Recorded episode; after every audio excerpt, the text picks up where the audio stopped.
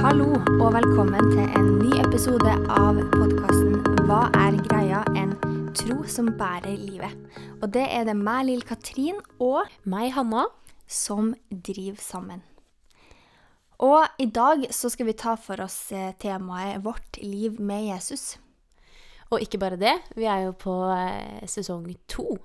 Oh yes. Yes.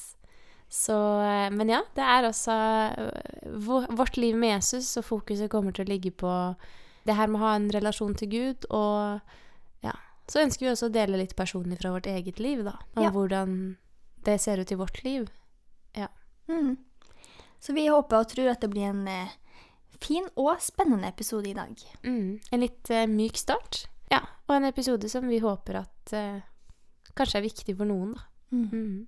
Men du Hanna, vi må jo starte med noen fun facts. Det er jo litt gøy. Ja, for vi er veldig gode på fun facts. Ja. Dere som har fulgt oss siden vi starta opp, eh, har jo fått med dere det. Det er ikke sikkert dere syns det er så gøy. Vi syns i hvert fall det er veldig gøy. Ja. Ja, jeg tenkte du skulle få starte, jeg, da, med dagens eh, fun fact om deg sjøl, lille Katrin. Ja, det Altså eh, det, Jeg vet ikke om jeg syns det er sånn kjempefun fact, men eh, du ler i hvert fall godt av det, Hanna. Og det er jo det at eh, jeg spiser paprika som en frukt helt alene. Bare paprika, liksom. Og det går litt på at jeg har eh, sånn pollenallergi med sånn 1000 kryssallergier, så tåler du ikke frukt i det hele tatt. Og når man ikke tåler så veldig mye frukt, så må man bare være litt kreativ. Og eh, ofte så tar jeg bare med meg en hel paprika på skolen og bare gomler det i lunsjen. da. Ja, jeg syns jo den er Det er ikke bare jeg som syns den er sær. Men uh, for alt jeg vet, så kan det jo være at noen av de som sitter og lytter på, er helt, uh, helt enig med deg og spiser paprika på akkurat den måten. Da må dere gjerne sende Lill Katrine en melding, så er dere i hvert fall to eller tre Ja. på lag. Mm. Men du da, Hanna, hva er din fun fact i dag? Ja, min fun fact i dag Det er vel egentlig du som har kommet med den fun facten, da. eh, fordi du har observert noe i løpet av den korte tida som vi nå har eh, bodd sammen. Og det er visstnok at jeg snakker i halve setninger. Og jeg har aldri tenkt på det før, men jeg kan bare stoppe midt i en setning eh, uten å fullføre hva det egentlig er jeg skal si. Og da lurer jo folk på hva det er jeg skal si, da. Jeg har alltid arrestert mamma på det, for mamma er veldig fæl til å snakke i halve setninger. Så jeg tenker jeg er litt miljøskada, egentlig. Kan høres sånn ut, da, ja. Ja. Så er det jo sånn da at uh, dette er jo sesong to, og dette er jo første episode etter sommeren. Vi har holdt på i snart et år, faktisk. Det er veldig gøy å få lov til å lage episoder, eller podkastepisoder. Og til dere som da er uh, nye lyttere, og også selvfølgelig til dere gamle, så er det sånn at vi tenker at uh, en ny sesong det er en fin mulighet til å bli litt bedre kjent med oss. Litt bedre kjent med konseptet, podkastkonseptet vårt. Altså hva er greia? En tro som bærer livet. Hva er det som har fått oss til å velge å starte denne podkasten? Ja, så rett og slett litt sånn, dette er en litt sånn bli kjent-episode, rett og slett. Mm. ja. For vi ønsker jo å ta for oss både litt eh, det som betyr noe i vår tro, men også litt av, eh, ja, som Hanna sier, meninga og tanken bak podkasten. Og mye av det går jo på at vi sjøl følte at vi mangla tilbud som catcha oss på den måten som vi trengte når vi var yngre, da. Og da ønsker vi at podkasten kan være både nesten som en ressurs, men også som eh, et sted hvor eh, dem som trenger det, kan få påfyll, da. Mm. Og lære mer om Jesus og det kristne livet. Ja, og det hele starta jo egentlig med eh, tanken om spesielt unge. Ja. Verne om de unge, altså de eldste i et ungdomsarbeid, og, de, og studentfasen, på en måte. Fra du er en ja, Hvis du er en veldig moden 16-åring, da, og oppover, på en måte. Eh, og så har vi skjønt at podkasten treffer litt bredere. Det er eh, rundt omkring i forskjellige aldersgrupper som hører på. Men det er jo da særlig den her lengselen etter å gå dypere inn i ulike temaer. Når eh, søndagsmøtet ikke blir nok, eller når da ungdomsmøtet ikke blir nok. Ja, det er der vi ønsker å være, da. Vi ønsker å være et tilbud som vi selv ikke hadde, da, som du sa i stad. Vi Mm. ønsker å være der for Vi tar jo opp ting vi syns er interessant. Mm. Fordi vi tenker at det er flere som kanskje syns det er interessant. Og så ønsker vi å gå dypere inn i tro, og dypere inn i både bibelske temaer, men også temaer knytta til den kristne tro, knytta til menighet. Hvordan ser tro ut? Hva er på en måte Hva er hva? Hvordan skiller vi, og hvordan kan man finne sitt eget uttrykk da, i troa, og bli trygg og stabil i det? Og det er derfor det heter Hva er greia? En tro som bærer livet. Ja, for det er nok litt det vi vil ha fokus på, det her med at troa er noe som varer gjennom hele livet, gjennom både oppturer og nedturer.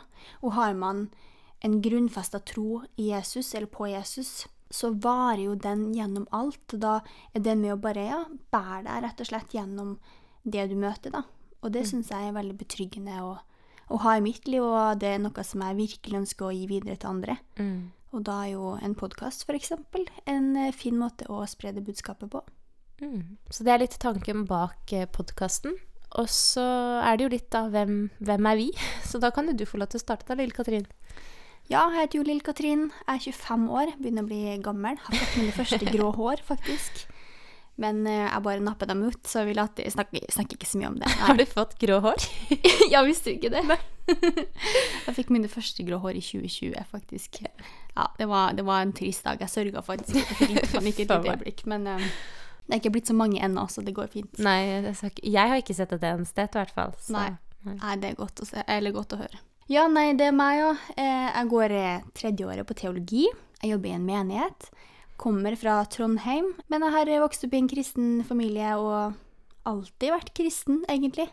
Men eh, jeg har jo tatt noen valg sjøl om å ta vare på troa mi og bli værende, og det setter jeg jo veldig stor pris på i dag, da. Og så er jeg jo født og oppvokst da i Misjonskirka Norge, eller Misjonsforbundet som det het før, og det er jo der store deler av min trønderske familie tilhører, i hvert fall.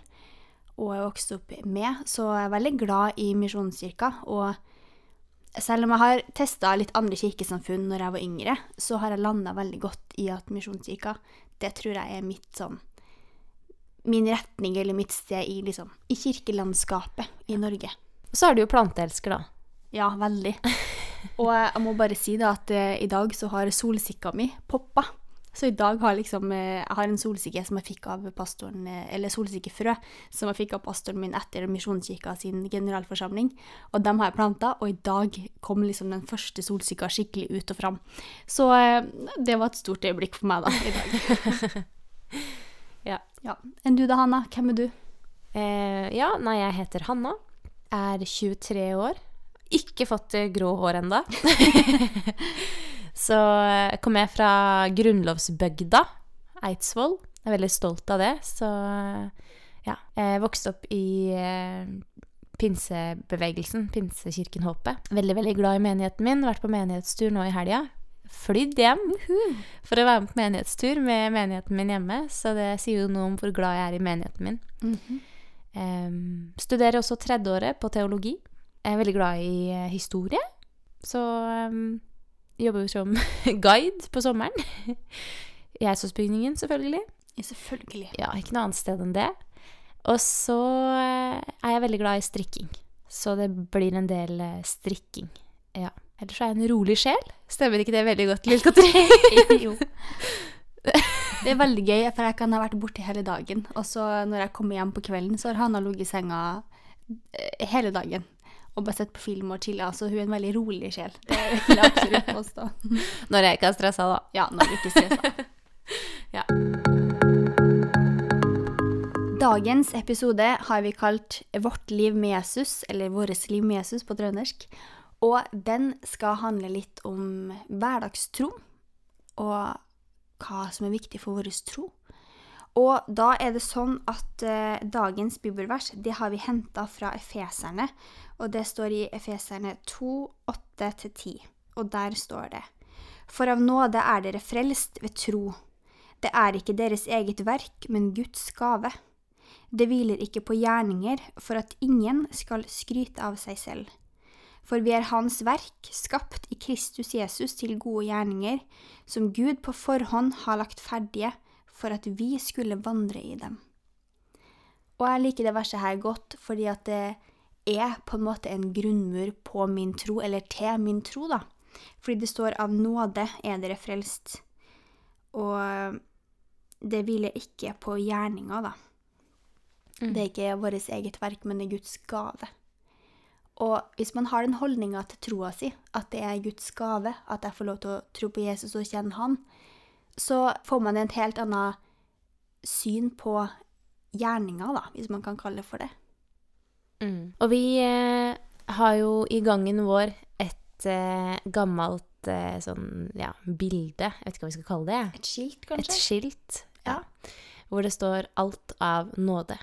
Og det er jo som du leser der, ikke sant. Det er av nåde, altså det er av Guds kjærlighet at vi tror og er frelst. Ikke de gjerningene vi gjør, men rett og slett bare hans kjærlighet. Og det tror jeg bare for meg den siste tida bare blir klarere og klarere hvor viktig den derre nåden er, og at det faktisk ikke handler om gjerninger, da. Altså, det vi gjør er viktig, men jeg tror det kommer litt naturlig òg, når vi tror. For når vi tror og på en måte tilslutter vår tro, da, til noe, så tror jeg også at vi vil ønske å gjøre det som på en måte ligger i den troa, da.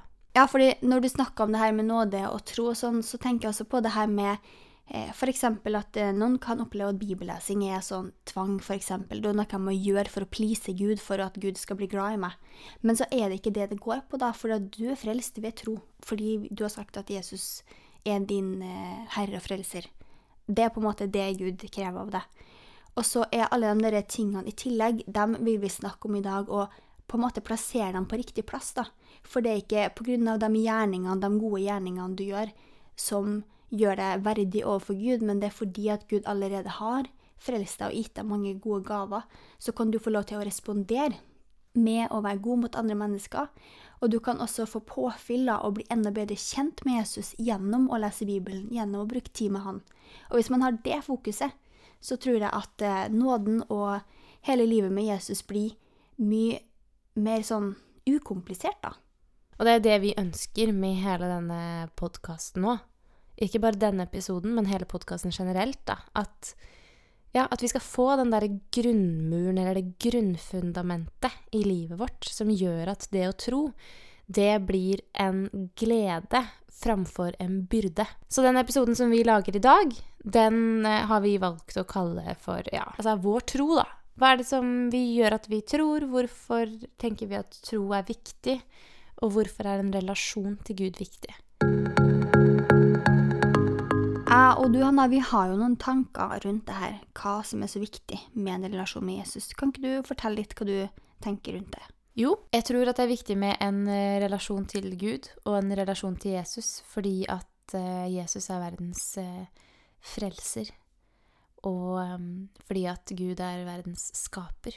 Og så står det i eh, første Mosebok, altså den første boka i Bibelen, så står det at eh, Gud skaper eh, verden. Og så står det at han skaper mennesket. Og så står det at han sier 'la oss skape mennesket i vårt bilde'. Så vi er altså skapt i Guds bilde, og på den måten Gud ønsker at vi skal være, da. Så i oss så ligger det deler av Gud, da. Og ikke misforstå meg med liksom at det betyr at vi er eh, superhellige, og at vi liksom er Gud. Det er ikke det jeg sier. Jeg sier bare at vi bærer med oss noen egenskaper som Gud også har.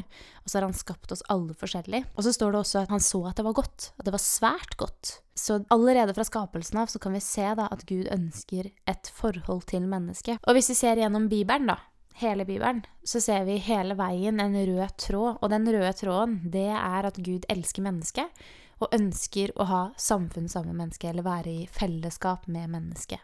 Og for at Gud skal kunne gjøre det, så må han sende et offer. For vi synder. Veldig mange av oss kan jo denne historien. Mennesker synder og gjør urett mot Gud og mot hverandre. Og Gud tåler ikke synd. Og løsningen blir da at han gir sin eneste sønn, Jesus Kristus, til å dø på et kors og ta våre synder. Og så gjenoppstår han den tredje dag. Og det er jo en helt fantastisk historie. For det som skjer, er jo at når Jesus dør på det korset, så revner tempelforhenget, og da blir døra åpna helt opp. Det er ikke lenger noe som skiller oss fra Gud, for Jesus, han har dødd for oss. Derfor så er det alt av nåde. Jesus har gjort det som skulle gjøres. Alt av nåde. Det handler ikke om våre prestasjoner, men det handler om vår søken. Ikke sant? lengselen etter Gud, da. Og Gud har jo tydeligvis en veldig stor lengsel etter oss når han velger å sende sin sønn i døden for at han skal kunne få lov til å ha fellesskap med oss. Jeg tenker det sier veldig mye om hvem Gud er, da, og hvor stor kjærlighet han har til oss. Det er så fint det du sier om den her relasjonen som Gud virkelig ønsker til oss. Og så er det jo sånn at vi velger jo Gud bort, eller jeg kan velge Gud bort i livet mitt, og mange, når man ser historien og både i Bibelen og ellers, at det er veldig mange mennesker som velger Gud bort, men Gud velger alltid mennesket. Og så har jeg tenkt på et bibelvers når, når vi tenker på dette spørsmålet hvorfor er det viktig med en relasjon til Jesus? Og da tenkte jeg på når Jesus kaller Matteus, som vi kan lese om i Matteusevangeliet. Og det står i Matteus kapittel 9 vers 13, og der står det Det er barmhjertighet jeg vil ha, ikke brenn offer. Det er det Jesus sier om det som Gud ønsker. Og det er litt kult, fordi her er det sånn at Jesus faktisk siterer Hosea. Og hvis du ikke vet hvem Hosea er, så var det altså en profet i Det gamle testamentet som faktisk gifta seg med en prostituert dame, da. Så han har jo et ganske spennende liv, og det er en ganske interessant bok. Men der står det blant annet det herre her. Og det er det Gud som sier, da, gjennom profeten Hosea. For jeg vil ha kjærlighet, ikke slaktoffer. Guds kjennskap fremfor brennoffer. Og det som jeg leser inn i denne settinga her, da, det som Jesus sier, at han siterer det, det sier noe om at ja, men jeg vil bare ha barmhjertighet, jeg vil ha Guds kjennskap, kjennskap. Jeg vil bare at du skal kjenne meg, som er din Gud. Jeg vil ikke ha dine offer, jeg trenger ikke at du gir meg masse fine gaver, jeg trenger bare at du vil søke meg. Og det er denne relasjonen som vi kan få lov til å søke hver dag. Vi kan få lov til å invitere Jesus inn i vårt liv hver eneste dag og um, søke inn i Bibelen for å forstå enda mer om hvem Gud er, og det er åpent for absolutt alle. Enten du tror eller ikke, så tror jeg virkelig at Gud ønsker å gi svar på spørsmålene som du har. Mm. Og så er det jo sånn at jeg og du, Hanna, vi har hørt på en podkast fra ei som heter Lisa Harper. Hun er min favorittforkynner of all time, liksom. Og hun sier alltid det på slutten av eh, podkastepisoden sin. Kunnskap om Gud blekner i forhold til en personlig relasjon til Jesus. Og det er så sant. Vi kan mene masse greier, vi kan vite masse om hvordan Bibelen ble skrevet, f.eks. Vi kan ha masse sånne arkeologiske funn fra den bibelske tida. Men hvis vi ikke kjenner Jesus, da mister vi en god del av det å være en kristen, da. Mm.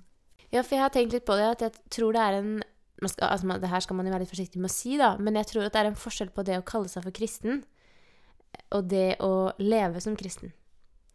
Fordi at hvis du kaller deg en kristen, så er det ja, jeg tror det. Jeg tror det er sant. Men eh, det å leve som en kristen handler også om å praktisere det livet, ikke sant? Og den kunnskapen da som man kan ha når man kaller seg for en kristen, den er kjempefin, og den er viktig. Men den drar deg For noen er det jo sånn at sånn som vi da, som studerer teologi, vi syns jo det er gøy å lære nytt om Gud, altså få kunnskap om Gud. Mm. Og det kan være med på å styrke troa vår. Men til syvende og sist så er det ikke det som holder troa vår oppe. Det er jo den relasjonen vi har til Gud. Og helt ærlig, i enkelte perioder så er det kjempemye lettere å ha en relasjon til Gud enn i andre perioder. Jeg er veldig mye mer flinkere til det når jeg føler at alt er på stell, enn når jeg føler at ting ikke er på stell. Og kanskje, jeg har tenkt litt på det, er jeg også litt for sløv når det kommer til å ha en relasjon til Jesus. Å søke han, da, ofte. Og sette, virkelig sette han som den viktigste i mitt liv, da. Mm. Og da var det jo på tide å snakke om vår tro ja. Hvorfor den er viktig, og hvorfor den uh, har fått den plassen den har. Den har jo mye å gjøre med hvorfor vi i det hele tatt driver denne podkasten. Hadde vi ikke hatt en tro, så hadde vi ikke drevet en kristen podkast. Og vi er jo ikke perfekte, noen av oss. Og jeg har jo alt liksom avslørt litt at At jeg til tider kanskje er flinkere på å søke relasjon til Jesus enn andre perioder. Eh, så dette her er ikke noe vi sier for at dere skal få et sånt eh, perfekt bilde av oss, men det er litt for å vise dere hva som har funka for oss, da. Og hvorfor vi rett og slett sitter med den troa vi sitter med i dag. Ja. Mm. Så da tenkte jeg egentlig bare at uh, du kunne få lov til å begynne litt, og fortelle litt om, uh, ja, om troa di. Hvorfor du tror, og ja, hva troa betyr for deg. Ja, jeg fortalte faktisk jentene i bibelgruppa som jeg har i går, litt om min tro. Og når jeg skulle forklare den, så starta jeg med å si det at Gud er den som har holdt fast i meg. at jeg har ikke alltid greid å holde fast i Gud, men jeg opplever at når jeg ser tilbake på livet mitt, når man skriver en troshistorie f.eks., så er det lettere å se at ok, her var Gud med, her var Gud med. Og så ser jeg at det er Gud som hele tida har holdt fast i meg, da. Så det er jo viktig for meg å si at um, jeg har ikke en tro som handler om at jeg har gjort så mye bra, at jeg har gjort så mange gode valg, at jeg har gjort alt riktig. Men jeg opplever at Gud har tatt vare på meg og båret meg gjennom hele livet mitt. Jeg opplever at han har leda meg. For det var en periode i livet mitt hvor jeg ikke kjente på et eh, spesielt eh, stort gudsnærvær. Og da ba jeg veldig ærlig til Gud og sa Gud, hvis du finnes, så må du faktisk vise deg for meg. Fordi at hvis ikke, så kan ikke jeg tro på deg. Og så opplevde jeg at han faktisk viste seg for meg, da. Og så har jeg fått lov til å gå en vei med Gud siden. Og i dag så handler jo troa mi veldig mye om det å også gi det videre. Og jeg er veldig heldig som får lov til å studere teologi, som får lov til å jobbe i en menighet, og som får lov til å egentlig holde på med tro på fulltid, da, med både med podkasten og ja, at vi bare får lov til å ha det fint, og at jeg får lov til å være en troende her hjemme også. Så jeg vil si at troa mi for meg er veldig grunnleggende i livet mitt. Det er, ja, det er min grunnmur, rett og slett. Det som jeg alltid kan falle tilbake på. Og jeg har, etter hvert som jeg har opplevd en del med Gud, så har jeg virkelig lært meg å stole på Gud. Jeg har opplevd eh, situasjoner og ja, har hatt øyeblikk hvor jeg virkelig har hatt behov for at Gud har hjulpet meg da, og gitt meg styrke, f.eks., og hjulpet meg gjennom utfordringer, og så har han gjort det. Og det har gjort at jeg har en enorm tillit til Gud, da. Og som også gjør at eh, f.eks. i perioder når jeg ikke forstår hvorfor det er sånn som det er, så kan jeg si til Gud Gud, nå er jeg sint på deg. Jeg opplever at nå syns jeg du er urettferdig, og at du er urimelig mot meg. Og så vet jeg jo ikke alltid hvorfor Gud lar meg oppleve ting. Da. Han fjerner jo ikke alle mine hindringer i livet bare fordi at jeg har en tro. Men jeg tror at han er med meg gjennom det og bærer meg gjennom det, og kan bruke det som jeg opplever som vondt og vanskelig, da, til å lære mer om hans gode kjærlighet og det som han vil gi meg når jeg opplever utfordringer og prøvelser i verden. Så jeg vil si at eh, i min hverdagstro da, så bruker jeg en god del tid på å lese Bibelen, f.eks. Og da vil jo mange se på meg og tenke oi, du, se, du gjør liksom alt riktig. Fordi at jeg liker veldig godt å sette meg ned. Jeg prøver hver dag, da. Jeg får det ikke til hver dag, men jeg prøver hver dag å sette meg ned i min faste bønnestol og lese Bibelen og drikke en kopp kaffe, fordi at det er det som gir meg påfyll. Da opplever jeg at da har jeg og Gud en sånn personlig tid hvor det er bare vi to som henger sammen. Og det, det har blitt veldig viktig for meg, fordi at jeg har opplevd at det har vært en styrke gjennom ulike sesonger av livet mitt. Så derfor så vil jeg tro at den biten er så viktig for meg, og jeg tror også at det er noe jeg ønsker å gi videre til dem som er rundt meg, da, til ungdommene mine, til dere som hører på. Den derre stunda der. Jeg, jeg, nevner den ofte, men det er ikke for jeg ønsker at jeg skal legge det på andre for, som en byrde, men det er mer det at jeg virkelig har opplevd hvor, hvor mye det betyr for min daglige tro og min daglige relasjon med Jesus, da. Mm. Og så tenker jeg også veldig på alle de der løftene som Gud gir oss i Bibelen. Og da er det blant annet ett fra Jesaja. Jeg er veldig glad i Jesaja. Og det er et sånn løfte som jeg, som jeg kan komme tilbake til og holde fast ved da, når jeg har det vanskelig. Og det, det står i Jesaja kapittel 43 vers 2. Går du gjennom vann, er jeg med deg. Gjennom elver skal de ikke flomme over deg. Går du gjennom ild, skal du ikke svi deg, og flammen skal ikke brenne deg. Og i det verset her så er det veldig tydelig at ja, går du gjennom hindringer, går du gjennom prøvelser, så, så skal jeg likevel være med deg. Og det er det jeg på en måte får ut av de versene her. Og så står det også i femte Mosebok at som dine dager er, skal din styrke være. Og det syns jeg også er et enormt løfte da, som Gud har gitt oss, som jeg kan holde fast med når ting er mer utfordrende. Det er skikkelig fint å sitte og høre på at du forteller. Og så tenker jeg bare litt på det som du sier, da, at jeg vet ikke alltid hvorfor jeg må gå gjennom ting som jeg ikke ønsker å gå gjennom sjøl. Hvorfor Gud ikke bare fjerner det. Anne Mai, da, som vi har nevnt noen ganger, som er vår foreleser, og som også er eh, studentpastor på Ansgar høgskole, hvor vi går, hun mm. har jo sagt det at eh, Be Jesus om å være med deg gjennom istedenfor å ta bort. ikke sant? Og det er det du sier òg, at du føler at han har vært med deg gjennom. Og så har jeg tenkt mange ganger på det òg, at hvis vi som kristne ikke møter på utfordringer, og ikke møter på vanskelige perioder i livet, så mister vi store deler av nestekjærligheten. For da Mm. klarer vi ikke å sette oss inn i hvordan de menneskene som vi har rundt oss, både kristne og ikke-kristne, har det. Hvis vi som kristne bare skulle gått gjennom livet uten å møte på en eneste prøvelse, så hadde vi ikke kunnet relatert til de menneskene som vi har rundt, rundt oss, og som er rundt omkring i verden, som sulter, som eh, er under krig, eller som bare har det skikkelig, skikkelig vanskelig. Som er på skolen og kanskje ikke finner seg til rette, ikke finner venner, eller som blir mobba. Altså, vi hadde ikke kunnet satt oss inn i da, andre menneskers livssituasjoner. Nei, jeg tror vi bare hadde blitt veldig naiv. Og vi hadde ikke blitt spesielt hyggelige mennesker. Ja. Og jeg tror ikke evangeliet ville spredd seg. Nei. Nei.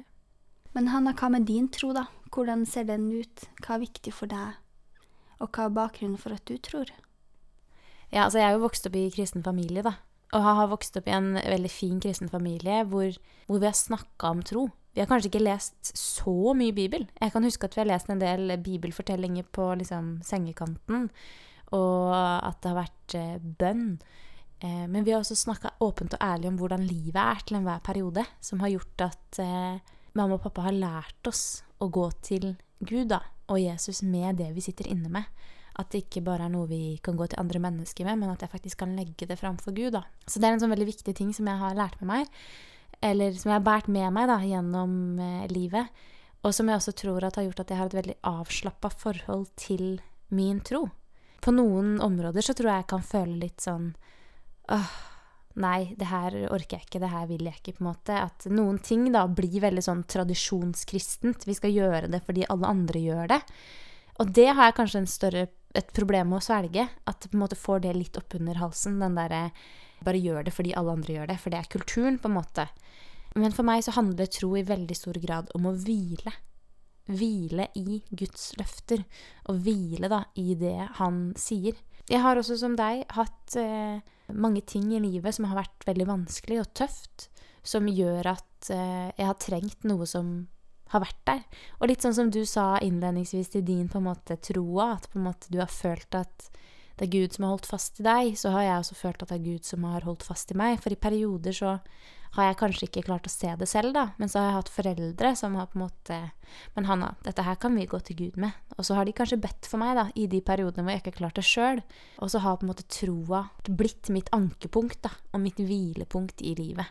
Og da har jeg bare lyst til å lese det som står i Romerne 8.35. Hvem kan skille oss fra Kristi kjærlighet, trengsel, angst, forfølgelse, hungersnød, nakenhet, fare eller sverd? Og så er det ikke alltid sånn, da, at vi føler det at liksom At vi føler at Gud er med, eller at vi føler at han forteller oss noe med på en måte skriften på veggen. Men jeg tror det. Jeg kan få lov til å håpe det.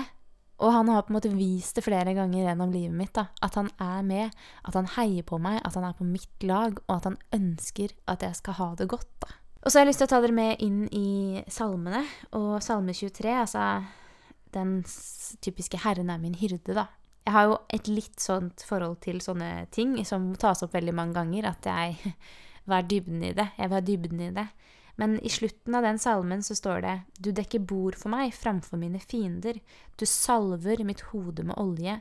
Mitt beger flyter over. Sannelig, bare godhet og miskunn skal etterfølge meg alle mine dager, og jeg skal bo i Herrens hus til evig tid. Og for meg, da, så er det et løfte om at de tingene som jeg måtte oppleve nå, eller de tingene som jeg har andre måtte oppleve, som er skikkelig vanskelig. Altså, jeg tror Det finnes så mange mennesker rundt omkring i verden som opplever så mye vanskelig, og hvor det her på en måte bare kan føles som tomme ord. Så jeg har så lyst til å si at det er ikke tomme ord. Gud er med oss, og han er for oss, han er ikke mot oss.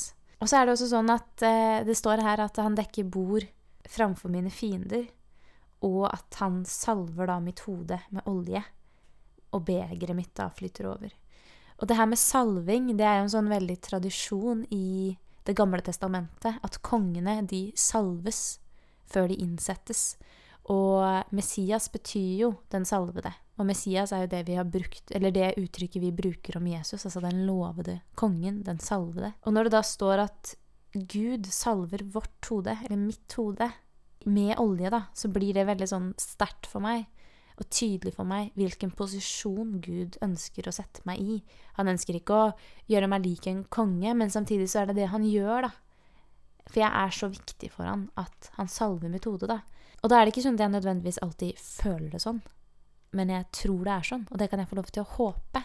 Og så føler jeg bare at jeg er blitt bevart, da, gjennom at troa har vært mitt hvilepunkt i livet så vet jeg at det er veldig mange som ikke har tro som et hvilepunkt i livet. Men det er litt det vi håper, da. Hvis du sitter her og hører på og tenker at Åh, dette her kjenner jeg meg ikke igjen i, tro er ikke mitt hvilepunkt, så er det litt det vi håper at du kan få gjennom at du får kjennskap da, til hvem Jesus er, og hva det handler om. Mm. Mm. Jeg syns det var veldig fint det du sa med at eh, det er ikke tomme løfter, det som står i Salme 23. Det er faktisk sånn at han eh, salve hodet ditt, han eh, dekker bord foran dine fiender.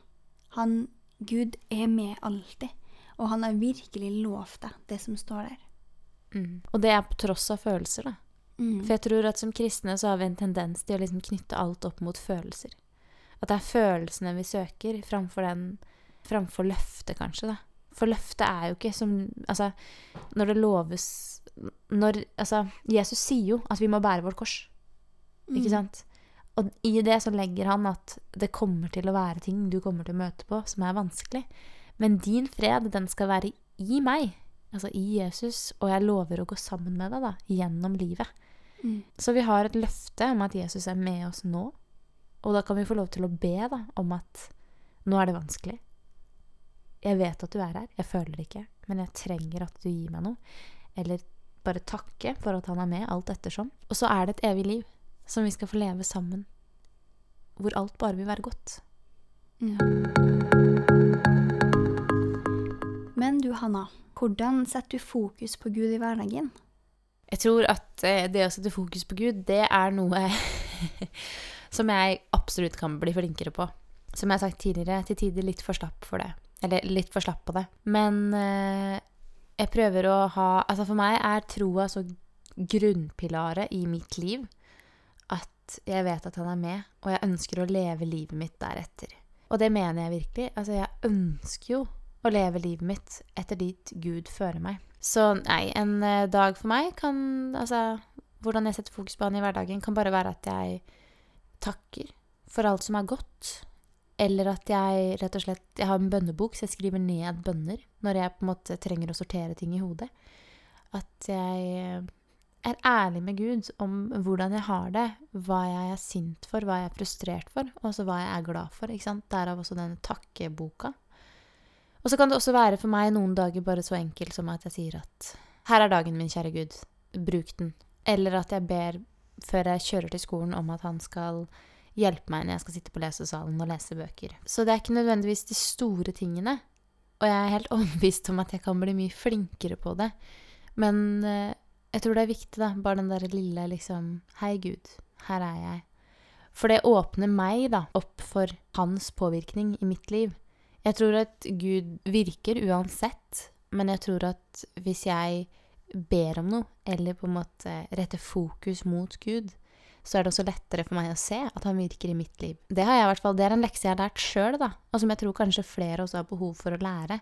Det der at eh, vi er frelst av nåde, og det handler ikke om gjerninger.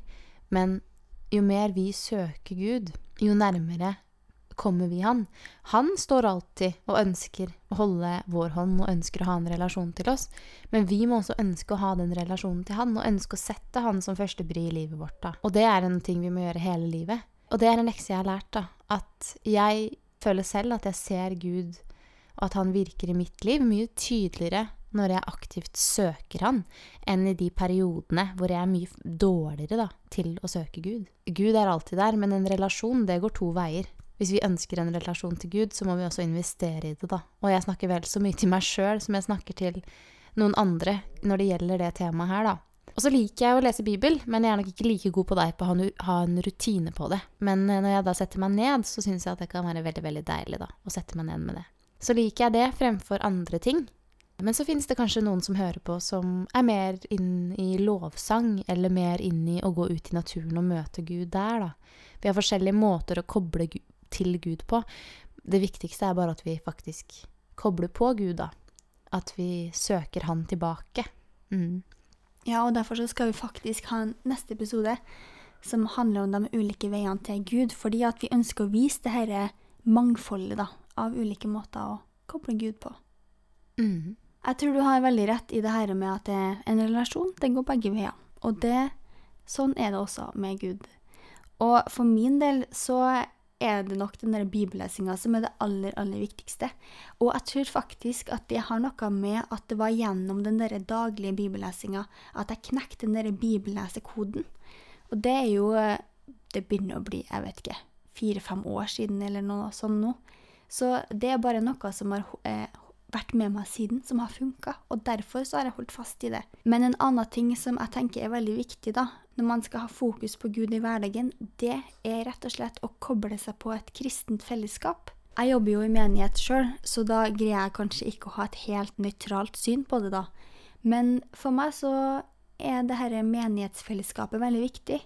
Eller det her fellesskapet med andre kristne venner, smågruppefellesskap f.eks. Det at man har en relasjon da, med andre kristne, det tror jeg er veldig veldig viktig. Og jeg tror også det er veldig bibelsk. Fordi at Paulus for eksempel, han skriver i Korinterne om det her med at eh, Kristi kropp, da, vi som er kristen, vi er én kropp, men flere lemmer, da, eller flere kroppsdeler, som til sammen funker og er hele Guds kropp, da, eller hele Jesu kropp. Og et eksempel er jo denne menigheten, da, fordi se for deg om alle sammen kunne synge, men ingen kunne tale, ingen kunne bake kake, f.eks. Ingen var praktisk, ingen kunne styre lyd, men alle bare kunne synge. Da hadde det ikke blitt det dette fellesskapet der vi hadde trengt hverandre. Men fordi at det fins noen som er sykt god på teknikk og på lyd og lys og scene, og så har vi noen som er sykt god til å organisere og noen som er sykt gode til å tale og til å være praktisk og bære store og bygge og male og pusse opp og sånne type ting, så trenger vi hverandre, og så funker vi godt sammen som fellesskap. Og jeg tror at dette kristne fellesskapet, det er et fellesskap der vi får lov til å være ærlige med hverandre om livet. Både med det som er bra i livet, men også det som er vanskelig. Mm. Og så kan vi sammen få lov til å være hele Guds, eller Jesu kropp, da. Mm. Og så tenkte jeg bare litt på det som du sa, at på en måte det her, viktigheten av det kristne fellesskapet, det som du har vært inne på nå. Nå har jeg vært i noen bryllup i sommer, da. Jeg har vært i tre bryllup i sommer.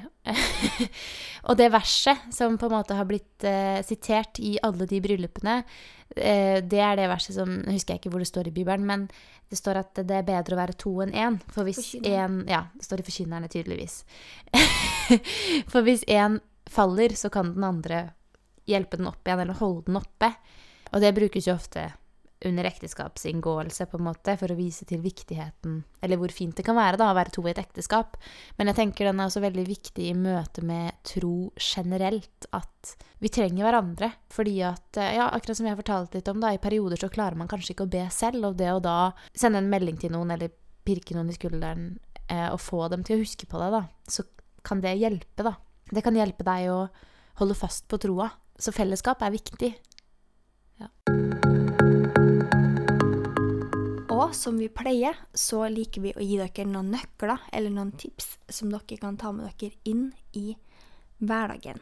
Det er jo litt sånn vanskelig kanskje å gi dere noen tips på dagens episode hvis det ikke skal handle om å gjøre, men så handler det jo likevel om å koble seg på relasjonen til, med Jesus. Så vi har prøvd å finne noen eh, gode nøkler til dere i dag, da. Mm. Hanna, kan ikke du fortelle? Ja, jeg jo om, begynte jo med å åpne opp om eh, skapelsen i stad. At Gud skaper oss forskjellig. Og det at Gud skaper oss forskjellig, det gjør også at Gud har rom for at vi praktiserer tro, og at vi har en relasjon med Han på ulike måter. Gud hadde ikke skapt oss på den måten vi er, hvis han ikke hadde ønska det. Så jeg tenker at det bare er med på å vise da at det er ingen måte å koble på Gud som er feil. Og Derfor skal vi føle oss fri da, i måten vi kobler på Gud på. Jeg har hørt en historie f.eks. om noen som har prøvd å koble på Gud på den måten som på en måte har vært inn, hvis det er lov til å si det. Det som på en måte har vært normen eller normalen i de kristne, og så har personen bare funnet ut at nei. Liksom følt at Gud har sagt at nei, men vi har ikke vi en måte vi pleier å gjøre dette her på, liksom. At det handler ikke om at vi skal gjøre det som alle andre gjør, da, men ha tillit til at Gud har skapt deg på en måte han ønsker. og at det også da legger til rette for at Gud ønsker å ha en unik relasjon med deg. Og den relasjonen blir jo ikke unik dersom du skal bare passe inn i det der perfekte kristenbildet som vi kanskje kan danne oss, da. Ja. Ja, jeg tror jo at Gud har skapt oss med noen interesser, og med noen ting som vi liker. Og han ønsker å connecte med oss på de områdene i livet. Så hvis du liker å connecte med Gud gjennom f.eks. å tjene andre, da, så tror jeg at Gud har skapt deg sånn, og at eh, han vil at du skal connecte med han på den måten. Og jeg tenker også litt på det her med å ha nåde med seg sjøl. At eh, ikke føl på åh, jeg skulle ha lest Bibelen oftere, jeg skulle ha sånn og sånn og sånn. Jeg tror ikke Gud ønsker at vi skal kjenne på det. Jeg tror han bare vil ha oss. Jeg tror han bare ønsker at vi skal bli kjent med han. Jeg tror ikke han eh, forventer at vi skal prestere. Jeg tror han bare vil ha oss. Så hvis du tenker den tanken åh, skulle, nå skulle jeg ha gjort det her, nå jeg skulle ha lest med Bibelen nå igjen, nå har jeg glemt av det, åh, søren, jeg glemte å be i dag, så heller tenke at ja, men så si til Gud, kan vi få lov å prøve på nytt igjen i dag? Bruk meg i dag. Be en sånn enkel bønn som det. Mm. Og være åpen for at uh, kanskje det er en annen vei. Og dette her vil jo vi snakke mer om senere i neste episode, hvor vi setter litt mer fokus på de ulike veiene. Fordi uh, ja, jeg tror både du og jeg har følt litt på den her Altså den normen som på en måte er i Kristen-Norge, da, eller i de ulike menighetene. At det er ikke alltid man passer inn i det bildet. Og da kan man få en form for sånn troskrise. At på en måte Men, men hallo, hva med meg? Ikke sant? At å ha tiltro til at ja, du er som du er av en grunn, da. Gud har skapt deg sånn, og han ønsker å ha en relasjon til deg basert på hvem du er, ikke basert på hva som er normen. Mm. Det er så sant. Og på søndag så hadde pastoren vår i menigheten en tale som handla om det her med hverdagstro og sånn. Og da sa hun pastoren vår at eh, hvis du skal bruke tid med Gud, så koble det på noe du allerede gjør. For eksempel, da, hvis du skal lese Bibelen, så kan du lese Bibelen mens du spiser frokost. Det kan være en kort historie i Bibelen, det trenger ikke være noe langt. Eller det kan være eksempel, det gjør jeg faktisk hver gang jeg kjører til innkjørselen vår, og så ned den første bakken ned til rundkjøringa, så, så ber jeg alltid en bønn. Hvis jeg sitter i bilen alene, hvis jeg sitter sammen med deg, så tør jeg ikke gjøre det høyt, eller da glemmer jeg jo det, fordi da prater jeg med deg. Men hvis jeg er alene i bilen, bilen, så ber jeg alltid liksom Kjære Jesus, må du være med meg nå på det jeg skal gjøre i dag, og for det som skjer framover, da. Så bruker jeg den tida, for da gjør jeg allerede noe, og så bare kobler jeg Gud på det. Og det er veldig lett å bare gjøre det istedenfor å gjøre noe helt nytt og vri om på alt man allerede gjør, da. Så det er et sånn lite tips. Og så var det det her med å koble seg på et kristent fellesskap, da. Bli med i en menighet, bli med i en smågruppe, finne et ungdomsarbeid, finne noen kristne venner på skolen, kanskje laget eller ny generasjon. Altså, finn et miljø med andre kristne. Jeg tror det er veldig viktig, og jeg tror ikke at Gud har skapt oss til å leve som kristne alene.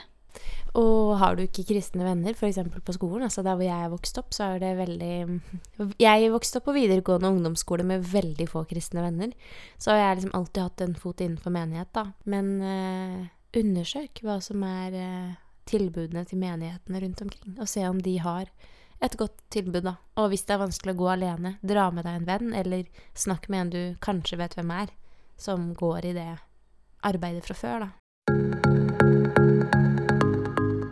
Har jo en tradisjon her i eh, Hva er greia, og det er at vi alltid avslutter med velsignelsen. Fordi det å velsigne hverandre, og lyse velsignelsen over hverandre, det er eh, noe av det fineste vi gjør. Og lille Katrin hun skal snart lyse velsignelsen over dere som hører på, men før hun gjør det, så kommer ja, en liten form for oppsummering på denne episoden. Og det er at vi egentlig håper at det du får ut av denne episoden her, eller har fått med deg denne episoden her, det er at eh, du er frelst av nåde, altså av Guds kjærlighet til deg.